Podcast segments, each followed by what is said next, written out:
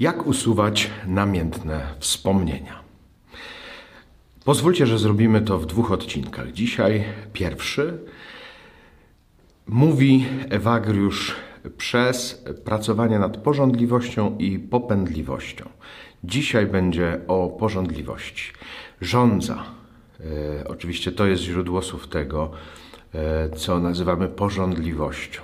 I lekarstwem na to jest czuwanie, czasami nocne czuwanie, post i on mówi spanie na ziemi, czyli e, panowanie nad wszelkiego rodzaju wygodnictwem. Uważajmy więc na wygodnictwo, uważajmy na to, czy czuwamy.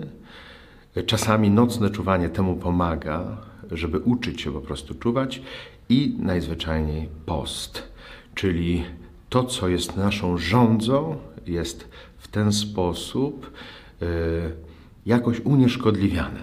A wtedy te namiętne wspomnienia e, zaczynają gasnąć. Jeżeli rzeczywiście chcesz usunąć swoje namiętne wspomnienia, zajmij się swoją porządliwością przez post, przez czuwanie i przez e, usuwanie wygodnictwa z Twojego życia.